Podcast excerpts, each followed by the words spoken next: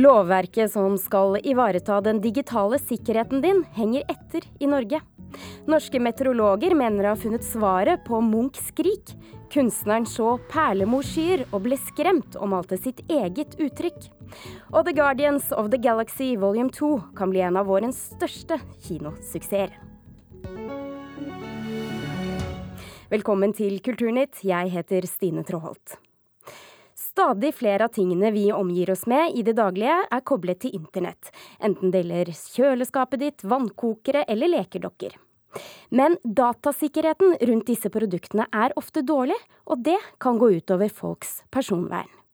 Arbeiderpartipolitiker Arild Grande innrømmer at lovverket i Norge henger etter når det gjelder en slik digital sikkerhet. I'm seven years old. I can't wait until I have another birthday. I like to have my friends over for a party. Det her er den snakkende dukka Kayla. Hun virker kanskje søt, men blir av enkelte bare kalt for spiondukka, og hun er forbudt å selge i Tyskland. Kayla er nemlig kobla til internett, og produsenten har fått kritikk for at det er for lett å ta kontroll over dukka og avlytte den. Ved hjelp av en mobiltelefon kan du enkelt kommunisere gjennom dukka og benytte den til å høre det som blir sagt. Under et seminar i regi av Forbrukerrådet mandag fikk deltakerne en utfordring. Uh, den premien her går til den første i salen som kan klare å hacke Kayla. Vinneren brukte 34 sekunder. Oi, har vi en vinner her? Det skaper bekymring at flere og flere av de tingene vi omgir oss med, alt fra kjøleskap til røykvarslere til sexleketøy, kan kobles til nett. Ofte er krypteringa altfor dårlig, slik at uvedkommende kan få tilgang. Finn Myrstad i Forbrukerrådet sier at regelverket må oppdateres. Det oppdaga vi med denne dokka vi har sett, at uh, digital sikkerhet ikke har noen regler i dag. Han sier at det ikke bare er hacking som er problemet. Vi ser uh, utfordringer knytta til personvern. At uh, mye informasjon samles inn om oss og deles kanskje med veldig mange aktører uten at vi er klar over det. Og så ser vi en utfordring knytta til at brukervilkårene som du takker ja til, som regulerer ditt forhold til tjenesten, ofte er vanskelig å forstå for folk. Han mener det er viktig at politikerne presses til å ta dette spørsmålet på alvor. Ja, de må passe på at vi har tilsyn, har ressurser til å følge med i utviklinga. Og eh, selvfølgelig legge press på f.eks. EU, som vedtar eh, nye regler som skal gjelde for hele Europa, både på sikkerhet og personvern. Men det er også viktig å lære opp oss som forbrukere. Det mener Torgeir Waterhouse i bransjens interesseorganisasjon IKT Norge. Så er det mye som må gjøres ved bevissthet hos utviklerne, mye som må gjøres med bevissthet hos innkjøperne og de som bestiller produktutviklingen. Og så er vi avhengig av å justere på og tilføre ny kompetanse hos forbrukerne, hos deg og meg. Vi må forstå uh, hva vi tar i bruk i dag, akkurat som vi måtte forstå uh, trafikken når bilene begynte å komme. Arild Grande, som representerer Arbeiderpartiet i familie- og kulturkomiteen på Stortinget, sier at lovverket i Norge henger etter. Jeg tror generelt nordmenn er veldig nysgjerrig eh, på nye ting og har stor tillit til at ting fungerer godt og at personvernet er ivaretatt. For det er vi vant til i, i Norge. Eh, og Da er det uvant at eh, det kommer aktører og nye eh, tekniske løsninger på banen som utfordrer personvernet. og Da ser vi at også lovverket i Norge henger noe etter. Men det, det, det, det er et problem man har i hele Europa. Ja, det sa Arild Grande til reporter Oddvin Aune. Odd-Rikard Valmot, du er journalist i Teknisk Ukeblad. Velkommen til Kulturnytt. Takk skal du ha. Du, det med alle disse tingene som er koblet, som vi omgir oss med, og er koblet til nettet, hvor stort er omfanget av dette nå? Det er stort i dag, og det kommer til å bli veldig mye større. Eh, det har jo vært anslag på at eh, i 2020 så er 50 milliarder enheter kobla til nettet. Om og noen sier enda mer. Så spørsmålet er da klarer vi å ha oversikt over alt det her. Det kommer jo et vell av nye leverandører og produsenter og ideer inn i markedet hele tida. Eh, og da er det lett å miste oversikten. Men jeg tenker noen av eksemplene som vi hørte her, og et annet eksempel, f.eks. det at du eh, skrur på varmen via mm. mobilen din på vei ja. opp til hytta for ja. å varme opp hytta. Altså, det, det, er, det, er, det mange som gjør. Ja. Eh, men, men, det sikkerhetsutfordringene her, hva, hva går det ut på? For det er vel ikke så farlig om jeg gir fra meg den informasjonen? Nei, det er, men det er et sånt enkelt tilfelle det er, det er ikke forbudt med veldig mye eh, risiko. men en kombinasjon av veldig mye informasjon. Mm. Det kan samles informasjon på veldig mange plattformer. Når skrur du på lyset, når skrur du på varmen, eh, når tar eh, overvåkningskamera i huset ditt et bilde etc. Alt det kan gi et, et, et, større bilde. ikke sant? Og nå snakker vi ikke bare om smarte hytter. Vi Snakker, nå er det jo full rulle på smarte hus, smarte biler. altså Det var nevnt smarte kjøleskap. Alt blir smart rundt oss. Og ikke minst, vi går rundt med smarte klokker. Vi har blodtrykksmålere, vi har blodsukkermålere. Vi har pacemakere, alt er kobla til nettet. Vi kan, altså Helt fra kroppen vår er nå overvåka helt opp til bilen og samfunnet i den smarte byen. Og hva kan skje da i ytterste konsekvens hvis det blir for smart? Eh, altså den, den gode sida av det her er at livene våre blir bedre. Det, det, er ingen tvil Det er jo det som er det store målet. Det, det Baksida er at det er veldig mange som ser fortjenestemuligheter her. Ved å hente informasjon, stjele informasjon, stjele passord, ikke minst. Det verste som kan skje, er at noen får tilgang til bankkontoen din. Det er jo hackerens ultimate drøm. Vi betjener i dag banken med smarttelefon og etter hvert smartklokka. Så det er klart at her er det en kjede de kan bryte seg inn i. Heldigvis er norske banker relativt gode på sikkerhet, men det skjer jo veldig store innbrudd i finansverden rundt omkring. Det er jo hovedmålet, men altså all mulig informasjon skal brukes på en eller annen uh, luguber måte. Den smarte dukka var nevnt, ikke sant? Mm. Men egentlig må alle tingene vi eier være på internett? Nei, det må jo ikke det. Men altså, vi har, du ser hvordan vi har, vi har tatt til oss smarttelefon, og vi har sagt ja til alle mulige sånne brukererklæringer uten å lese gjennom dem. Så vi har jo, vi har gitt, gitt, fra oss uh, mye av det her til Apple og Google og alle mulige andre leverandører rundt omkring. Så, og, og vi har gjort det frivillig. Som Arbeiderpartiet påpekte her, eh, vi henger etter. Er det sånn de, du også ser det? Ja, og jeg tror ikke vi klarer å komme oss foran. Men vi kan, vi kan Altså, ting blir bedre. Men dette er en kamp med to øh, det er, det er to krefter som, slår, som slåss mot hverandre. Det er de som utvikler dingser, nettverk, nettskyløsninger på den ene sida, som, som, stadig blir bedre på sikkerhet. Og så er det de som prøver å utnytte det her. Husk på, det er utrolig mange veier inn i det her og programvare og hardware er ikke eh, alltid 100% sikker. Eller er det faktisk veldig sjelden. Odd-Rikard Valmot, journalist i Teknisk Ukeblad, takk for at du gjorde oss i hvert fall litt mer bevisst på dette. Og da har jeg fått reporter Lisa Stokke inn i studio. I går Lisa, så hørte vi om moteuka Oslo Runway, som står foran en mulig nedleggelse. Har du noe nytt i den saken? Ja, endelig kan man kanskje si at det kommer noen eh, gode nyheter for den eh, norske motebransjen. Denne uka har jo vi som kjent fortalt at det har gått mot eh, nedleggelse for Oslo Runway. For selv om både bransjen selv, motebloggere og andre har vært veldig positive til den nye moteuka, så har de slitt med å skaffe de to millionene det koster å gjennomføre arrangementet i august. Men nå har kulturminister Linda Hofstad Helleland kommet på banen. Nå har ikke Oslo Rundvei eh, søkt Kulturdepartementet, men jeg imøteser gjerne en søknad, sånn at eh, vi sammen eh, kan se på hva som skal skje for å sikre at arrangementet går av stabelen. Og det vil da i så fall være snakk om en engangsstøtte, da det her er snakk om at næringa også sjøl må være med og, utvikle et bærekraftig arrangement over tid. Ja, Så får vi se da når søknaden har blitt behandlet. Og så har du sveipet over avisen i dag, og um, det er en amerikansk reality-kjendis som går igjen. Hvem er det? Jo, for i dag slipper Caitlyn Jenner boka 'Mitt hemmelige liv'. Den får ternekast fire i VG, som kaller det noe så sjelden som en viktig kjendisbiografi. Her forteller Jenner om forvandlingen fra familiefaren Bruce til den single dama Caitlyn, og lover å ikke holde på noen hemmeligheter. Er alle like begeistret for boken? Nei.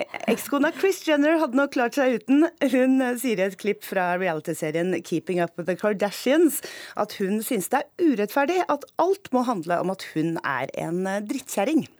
Tusen takk, reporter Lisa Stokke. I morgen så er det verdenspremiere på det som kan vise seg å bli en av vårens største kinosuksesser, nemlig Guardians of the Galaxy volume 2. Og få hadde et forhold til denne tegneserien da filmen eh, kom ut for første gang i 2014, men etter gode kritikker og høye besøkstall så møtes oppfølgeren med langt høyere forventninger. Og NRKs filmkritiker Birger Vestmo synes at filmen innfrir mange av dem, men ikke alle. So we're saving the galaxy again? Yep. Awesome! Guardians of the Galaxy Volume 2 viser at universet av helter og skurker som ble etablert i den første filmen, er levedyktig. Også denne gangen er det den kjærlige kjeklinga og kranglinga mellom figurene som tilfører filmen den beste underholdningsverdien. Ikke først og fremst de fargerike og fantasifulle spesialeffektene, sjøl om også de er spektakulære og nær psykedeliske i all sin digitale prakt. Filmen mangler et klart fokus og et konkret mål, men har til gjengjeld noen historietråder om familiebånd som når overraskende dypt til en superheltfilm å være. Derfor er Guardians of the Galaxy Volume 2 en fornøyelig oppfølger i en publikumsvennlig innpakning. This is weird. We've got a sovereign fleet approaching from the rear. Why would they do that? Probably because Rocket stole some of their batteries. Dude! Gjengen med tilnavnet Guardians of the Galaxy er moroklumpen Peter Quill, spilt av Chris Pratt, tøffe Gamora, spilt av Zoe Saldana, muskelberger Drax, spilt av Dave Bautista, vaskebjørnen Rocket, spilt av Bradley Cooper, og trefiguren Baby Groot, spilt av Vin Diesel. De jages gjennom universet av en hevngjerrig dronning de har forulempa. De får uventa hjelp av en figur som kaller seg Ego, spilt av Kurt Russell. De videre videreverdighetene avslører ukjente detaljer om Peter Quills opprinnelse, samt introduksjon av flere fargerike personligheter i skjæringspunktet mellom venn og fiende. I was being sarcastic. Oh no, you're supposed to use a sarcastic voice. Now I look foolish. Can we put the bickering on hold until after we survive this massive space battle? More incoming. Akkurat som i flere nyere blockbuster-filmer, deriblant Fast and Furious-serien, har også Guardians of the Galaxy Volume 2 et tydelig fokus på familiebånd. Flere av figurene får anledning til å fundere over sin tilhørighet og ta oppgjør med seg sjøl eller sine nærmeste. Sjølsagt behandles denne tematikken sparsommelig. Dette er tross alt et sci-fi-eventyr der man ikke har tid til å gå for dypt inn i materien. Men det her gjør likevel at filmen tilføres større tyngde, og blir dermed mer enn tomt og pent Hollywood-fyll. Yeah, I guess, yeah, I feel a general unselfish love for just about everybody. No. Sexual love. No, no, I don't. For her. No. Guardians of the Galaxy Volume 2 har ikke helt den samme friskheten over seg som gjorde den første filmen så minneverdig, men er en godkjent toer som aldri kan beskyldes for å kjede sitt publikum. See, you just told everyone your deepest, darkest secret. Dude, come on. I think you're overreacting a little bit. You must be so embarrassed. Guardians of the Galaxy Volume 2 ble anmeldt av Birger Vestmo og har verdenspremiere i morgen. Og du hører på Kulturnytt, og klokken er nå snart 17 minutter over åtte, og dette er nyhetsoverskriftene i Nyhetsmorgen nå.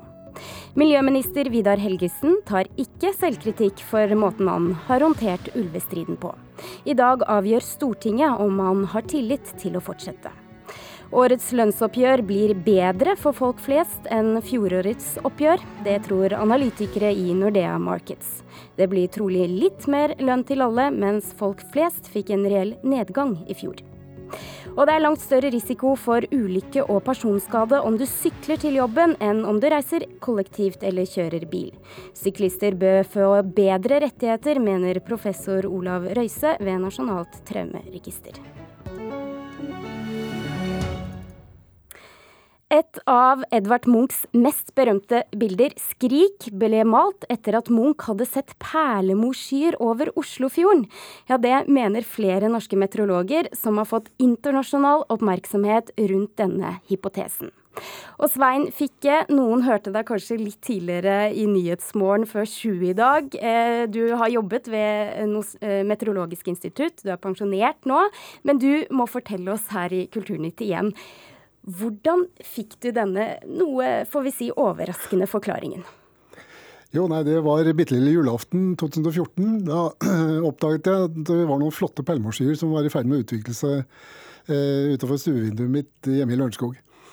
Og fikk tatt noen bilder. Eh, og fargespillet på de perlemårskyene utviklet seg hele tiden, i, både i, i, farger og intensitet. Eh, og det jeg fikk laste disse over på PC-en, så kunne jeg ikke la være å sette en detalj fra disse bildene opp mot Edvard, Skung, Edvard Munchs eh, 'Skrik'. For både fargespillet og bølgeformen eh, stemte overens i de to. Ja, Beskriv litt eh, for oss hvordan det så ut. Ja, det, da burde jeg nesten hatt bilder. Men, eh, men det er altså Det startet med en sky som hadde tydelig sånn perlemorskinn. Og så gikk det over i mer dype, dypere rødfarger. Og med en bølgestruktur som sånn mot, mot vest, da. Og inntil de ble mer og mer borte. Det varte en halvtimes tid, kanskje. Ja. Og, og, de opptrer også etter solnedgang halvtime etter solnedgang kommer sånne perlemorskyer. Men hvorfor tror dere at det var nettopp perlemorskyer som skapte frykt hos Munch? Ja, det er et godt spørsmål. For det første så er dette et fenomen som opptrer både altså en halvtime til en time før soloppgang om morgenen, eller en halvtime like lenge etter solnedgang om kvelden. Og når disse kommer etter solnedgang, da forventer de fleste av oss at det skal bli mørkt. Og i stedet så får du altså plutselig et sånn eh, kraftig fargespill eh, på himmelen. Eh, Edvard Munch han hadde helt sikkert aldri sett dette før. det er veldig sjelden. Jeg har i mitt godt voksne liv så har jeg aldri sett eh, perlemorskyer i den styrken og intensiteten som da det i 2014. Munch hadde ingen bakgrunn for å forstå dette, og, og for han så måtte det kunne det veldig godt virke skremmende. Var det skremmende for deg? Nei, for jeg visste hva det var. Jeg så med en gang hva det var, og dette var jo fryktelig interessant og morsomt å ta bilder av. Så, men det er jo beskrevet i litteraturen fra slutten av 1800-tallet hvordan disse opptrådte, og blant annet Carl Størmer har beskrevet dem som så vakre at du skulle tro du var i en annen verden.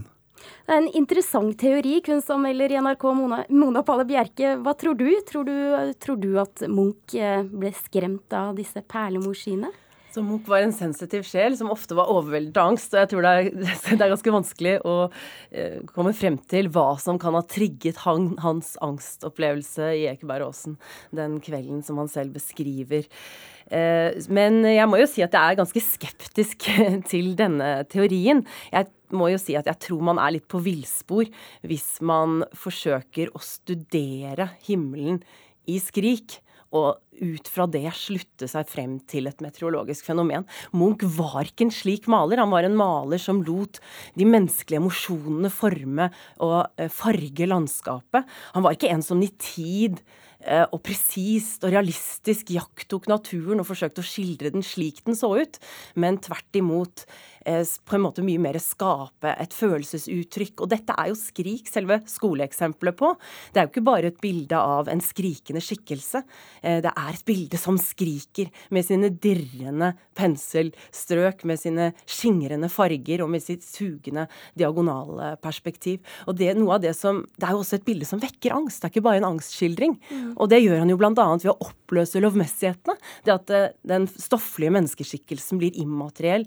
Fjorden og himmelen blir liksom som en plate av tre, mens landskapet er i kontinuerlig bevegelse og ser ut som det er da immaterielt. Og dette er jo veldig angstfremkallende. Ja, men likevel, når jeg tenker på Munchs bilder, da, så kan man se for seg bakgrunnen i Skrik, som vi står og snakker om her, og så er det vakker soloppgang eller solnedgang. Han var da opptatt av naturen? Han var meget opptatt av naturen, faktisk. Men han var opptatt av naturens kretsløp, årstidenes skiftninger, menneskelivets syk syklus. Men han var ikke opptatt av naturen i den forstand at man kan gå inn og på en måte bestemme hvilke plantearter eller hvilke værfenomener som øh, oppsto på den tiden han malte. For han skildrer ikke naturen på den øh, måten. Men det er jo ingen tvil om at Munch var inspirert av solnedgangen når han mm. malte 'Skrik', for det skriver han jo selv. Hvordan han gikk bortover veien med to venner og ser solen gå ned. Og han skriver at han kjente som et pust av vemod, og at himmelen blir blodig rød, og at det er som, eh, som sverd og flammer over byen. Og det kan jo godt ha vært perlemorsyr, for alt hva jeg vet. Ja. Jeg bare syns ikke det, akkurat eh, om den var skarlagensfarget eller perlemorfarget, eller hva den var, jeg syns ikke det er spesielt relevant for forståelsen av eh, dette bildet. Hva tenker du, Svein Fikke, når du hører Monas forklaring her? Ja, nei, jeg forstår jo godt uh, Monas uh, resonnement. Men like fullt så Eh, mener jeg at, eh, at, vårt bidrag ikke er noe dårligere forklaring enn det jeg har lest ellers. Eh, for det første så sier Munch at jeg, jeg maler ikke det jeg ser, men jeg det, maler det jeg så. Og, og, det kan godt ha vært et sånt veldig sterkt uh, synsinntrykk uh, mm. som han har omsatt i dette bildet. Men når han sier 'jeg maler ikke det jeg ser', men det jeg så, så er han nettopp opptatt, av at han maler ikke den ytre virkeligheten, men det han opplevde, det han kjente og det han følte. Og Derfor så tror jeg at sånn, den type sånn værfenomener, jakttagelser i den ytre verden, det er av mindre betydning for uh, Munchs kunst. Men, men, kan Ja, ja nei, altså jeg synes at ja, det kan generelt ha mindre betydning, men hvorfor kan ikke dette tilfellet øh, være nettopp et sånt tilfelle som har trigget han? Eh, jeg synes jo, når jeg har lest Jeg er ikke kunsthistoriker, jeg har ikke noen kunstkjenner på noe vis. Men det jeg har lest og reagert på, det er at det virker som kunsthistorikere, og i denne sammenhengen så så siterer alle hverandre, og så går man i flokk. Eh, jeg skulle ønske at man kunne kanskje ta et skritt tilbake, se dette litt mer på avstand, og se at det kan være andre løsninger enn det kunsthistorikerne Det må du få svare på til slutt, ja. Mona Ja, det er, jo, det er jo i hvert fall en morsom fabulering hva han kan ha sett, og hva som kan ha trigget han. Men hva konkret hva som trigget hans angst, det kan vi jo aldri få vite, noen av oss. Det vi vet, er at denne hypotesen har i hvert fall fått stor internasjonal oppmerksomhet. Nå får jeg takke dere, både Svein Fikke, som er pensjonert meteorolog, og Mona Palle Bjerke, som er kunstanmelder her i NRK.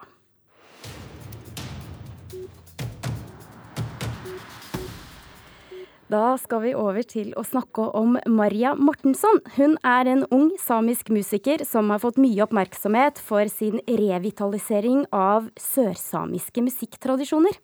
Og nå så er hun ute med en ny plate, Early Spring. Og det er blitt en fulltreffer, mener vår anmelder. La oss høre litt på noe av musikken hennes.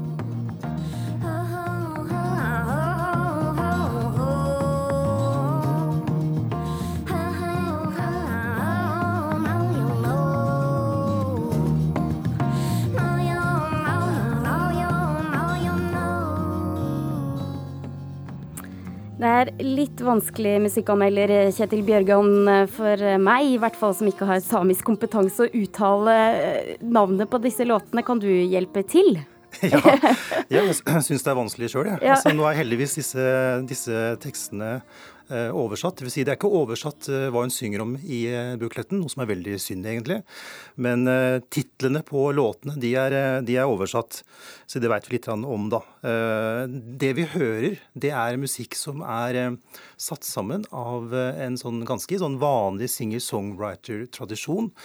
Altså populær musikalsk innpakning sammen med joik. Mm. Dette er spesielt spennende musikk, spør du meg. altså. Ikke bare er det veldig bra, men det er også interessant for en musikkanmelder som meg. da. Ja, hvorfor? Nei, det er fordi at sant, en del musikere i dag fra det samiske området de, de, er jo tydelig inspirert av det samiske, men på litt forskjellige måter. Altså De bruker det samiske språket først og fremst, og kanskje noen effekter.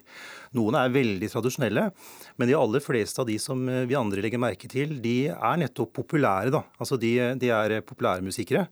Men uh, Mortensson hun bruker både joik og sang. Og dette er to forskjellige måter å forholde seg til uh, musikk på.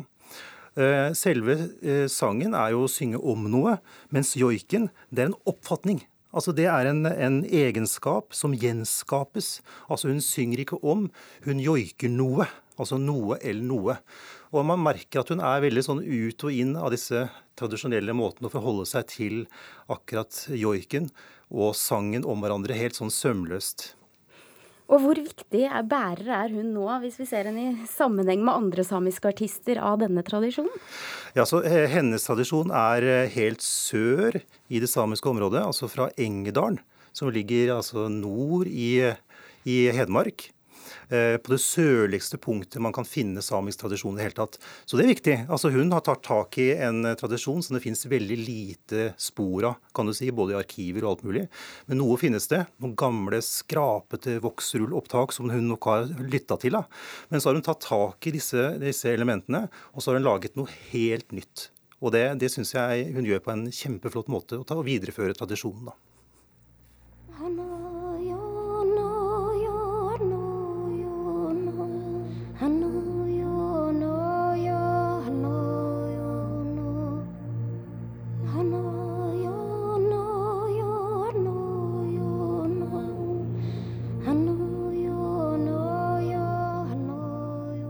eh, Maria Mortensson laget en god plate? Hun har laget, laget en veldig god eh, plate. Sammensatt. Eh, veldig mange gode musikere har hun fått med seg på denne plata her. Litt tett. Mye, mange effekter, men ganske nært og fint. Og jeg får tak i henne i de store uttrykkene. Og det er velspilt, det er velklingende, fantasifullt og originalt. Tusen takk, eh, Kjetil Bjørgan, som altså er musikkanmelder her i NRK, og som eh, vi har tatt en prat om Maria Mortenssons eh, nye plate. 'Early Spring' heter den. Du hører den i bakgrunnen her. Kulturnytt nærmer seg nå slutten. Produsent for sendingen i dag, Vidar Sem. Nå får det snart Dagsnytt, men de siste sekundene hører vi Maria Mortensson. Hør flere podkaster på nrk.no podkast.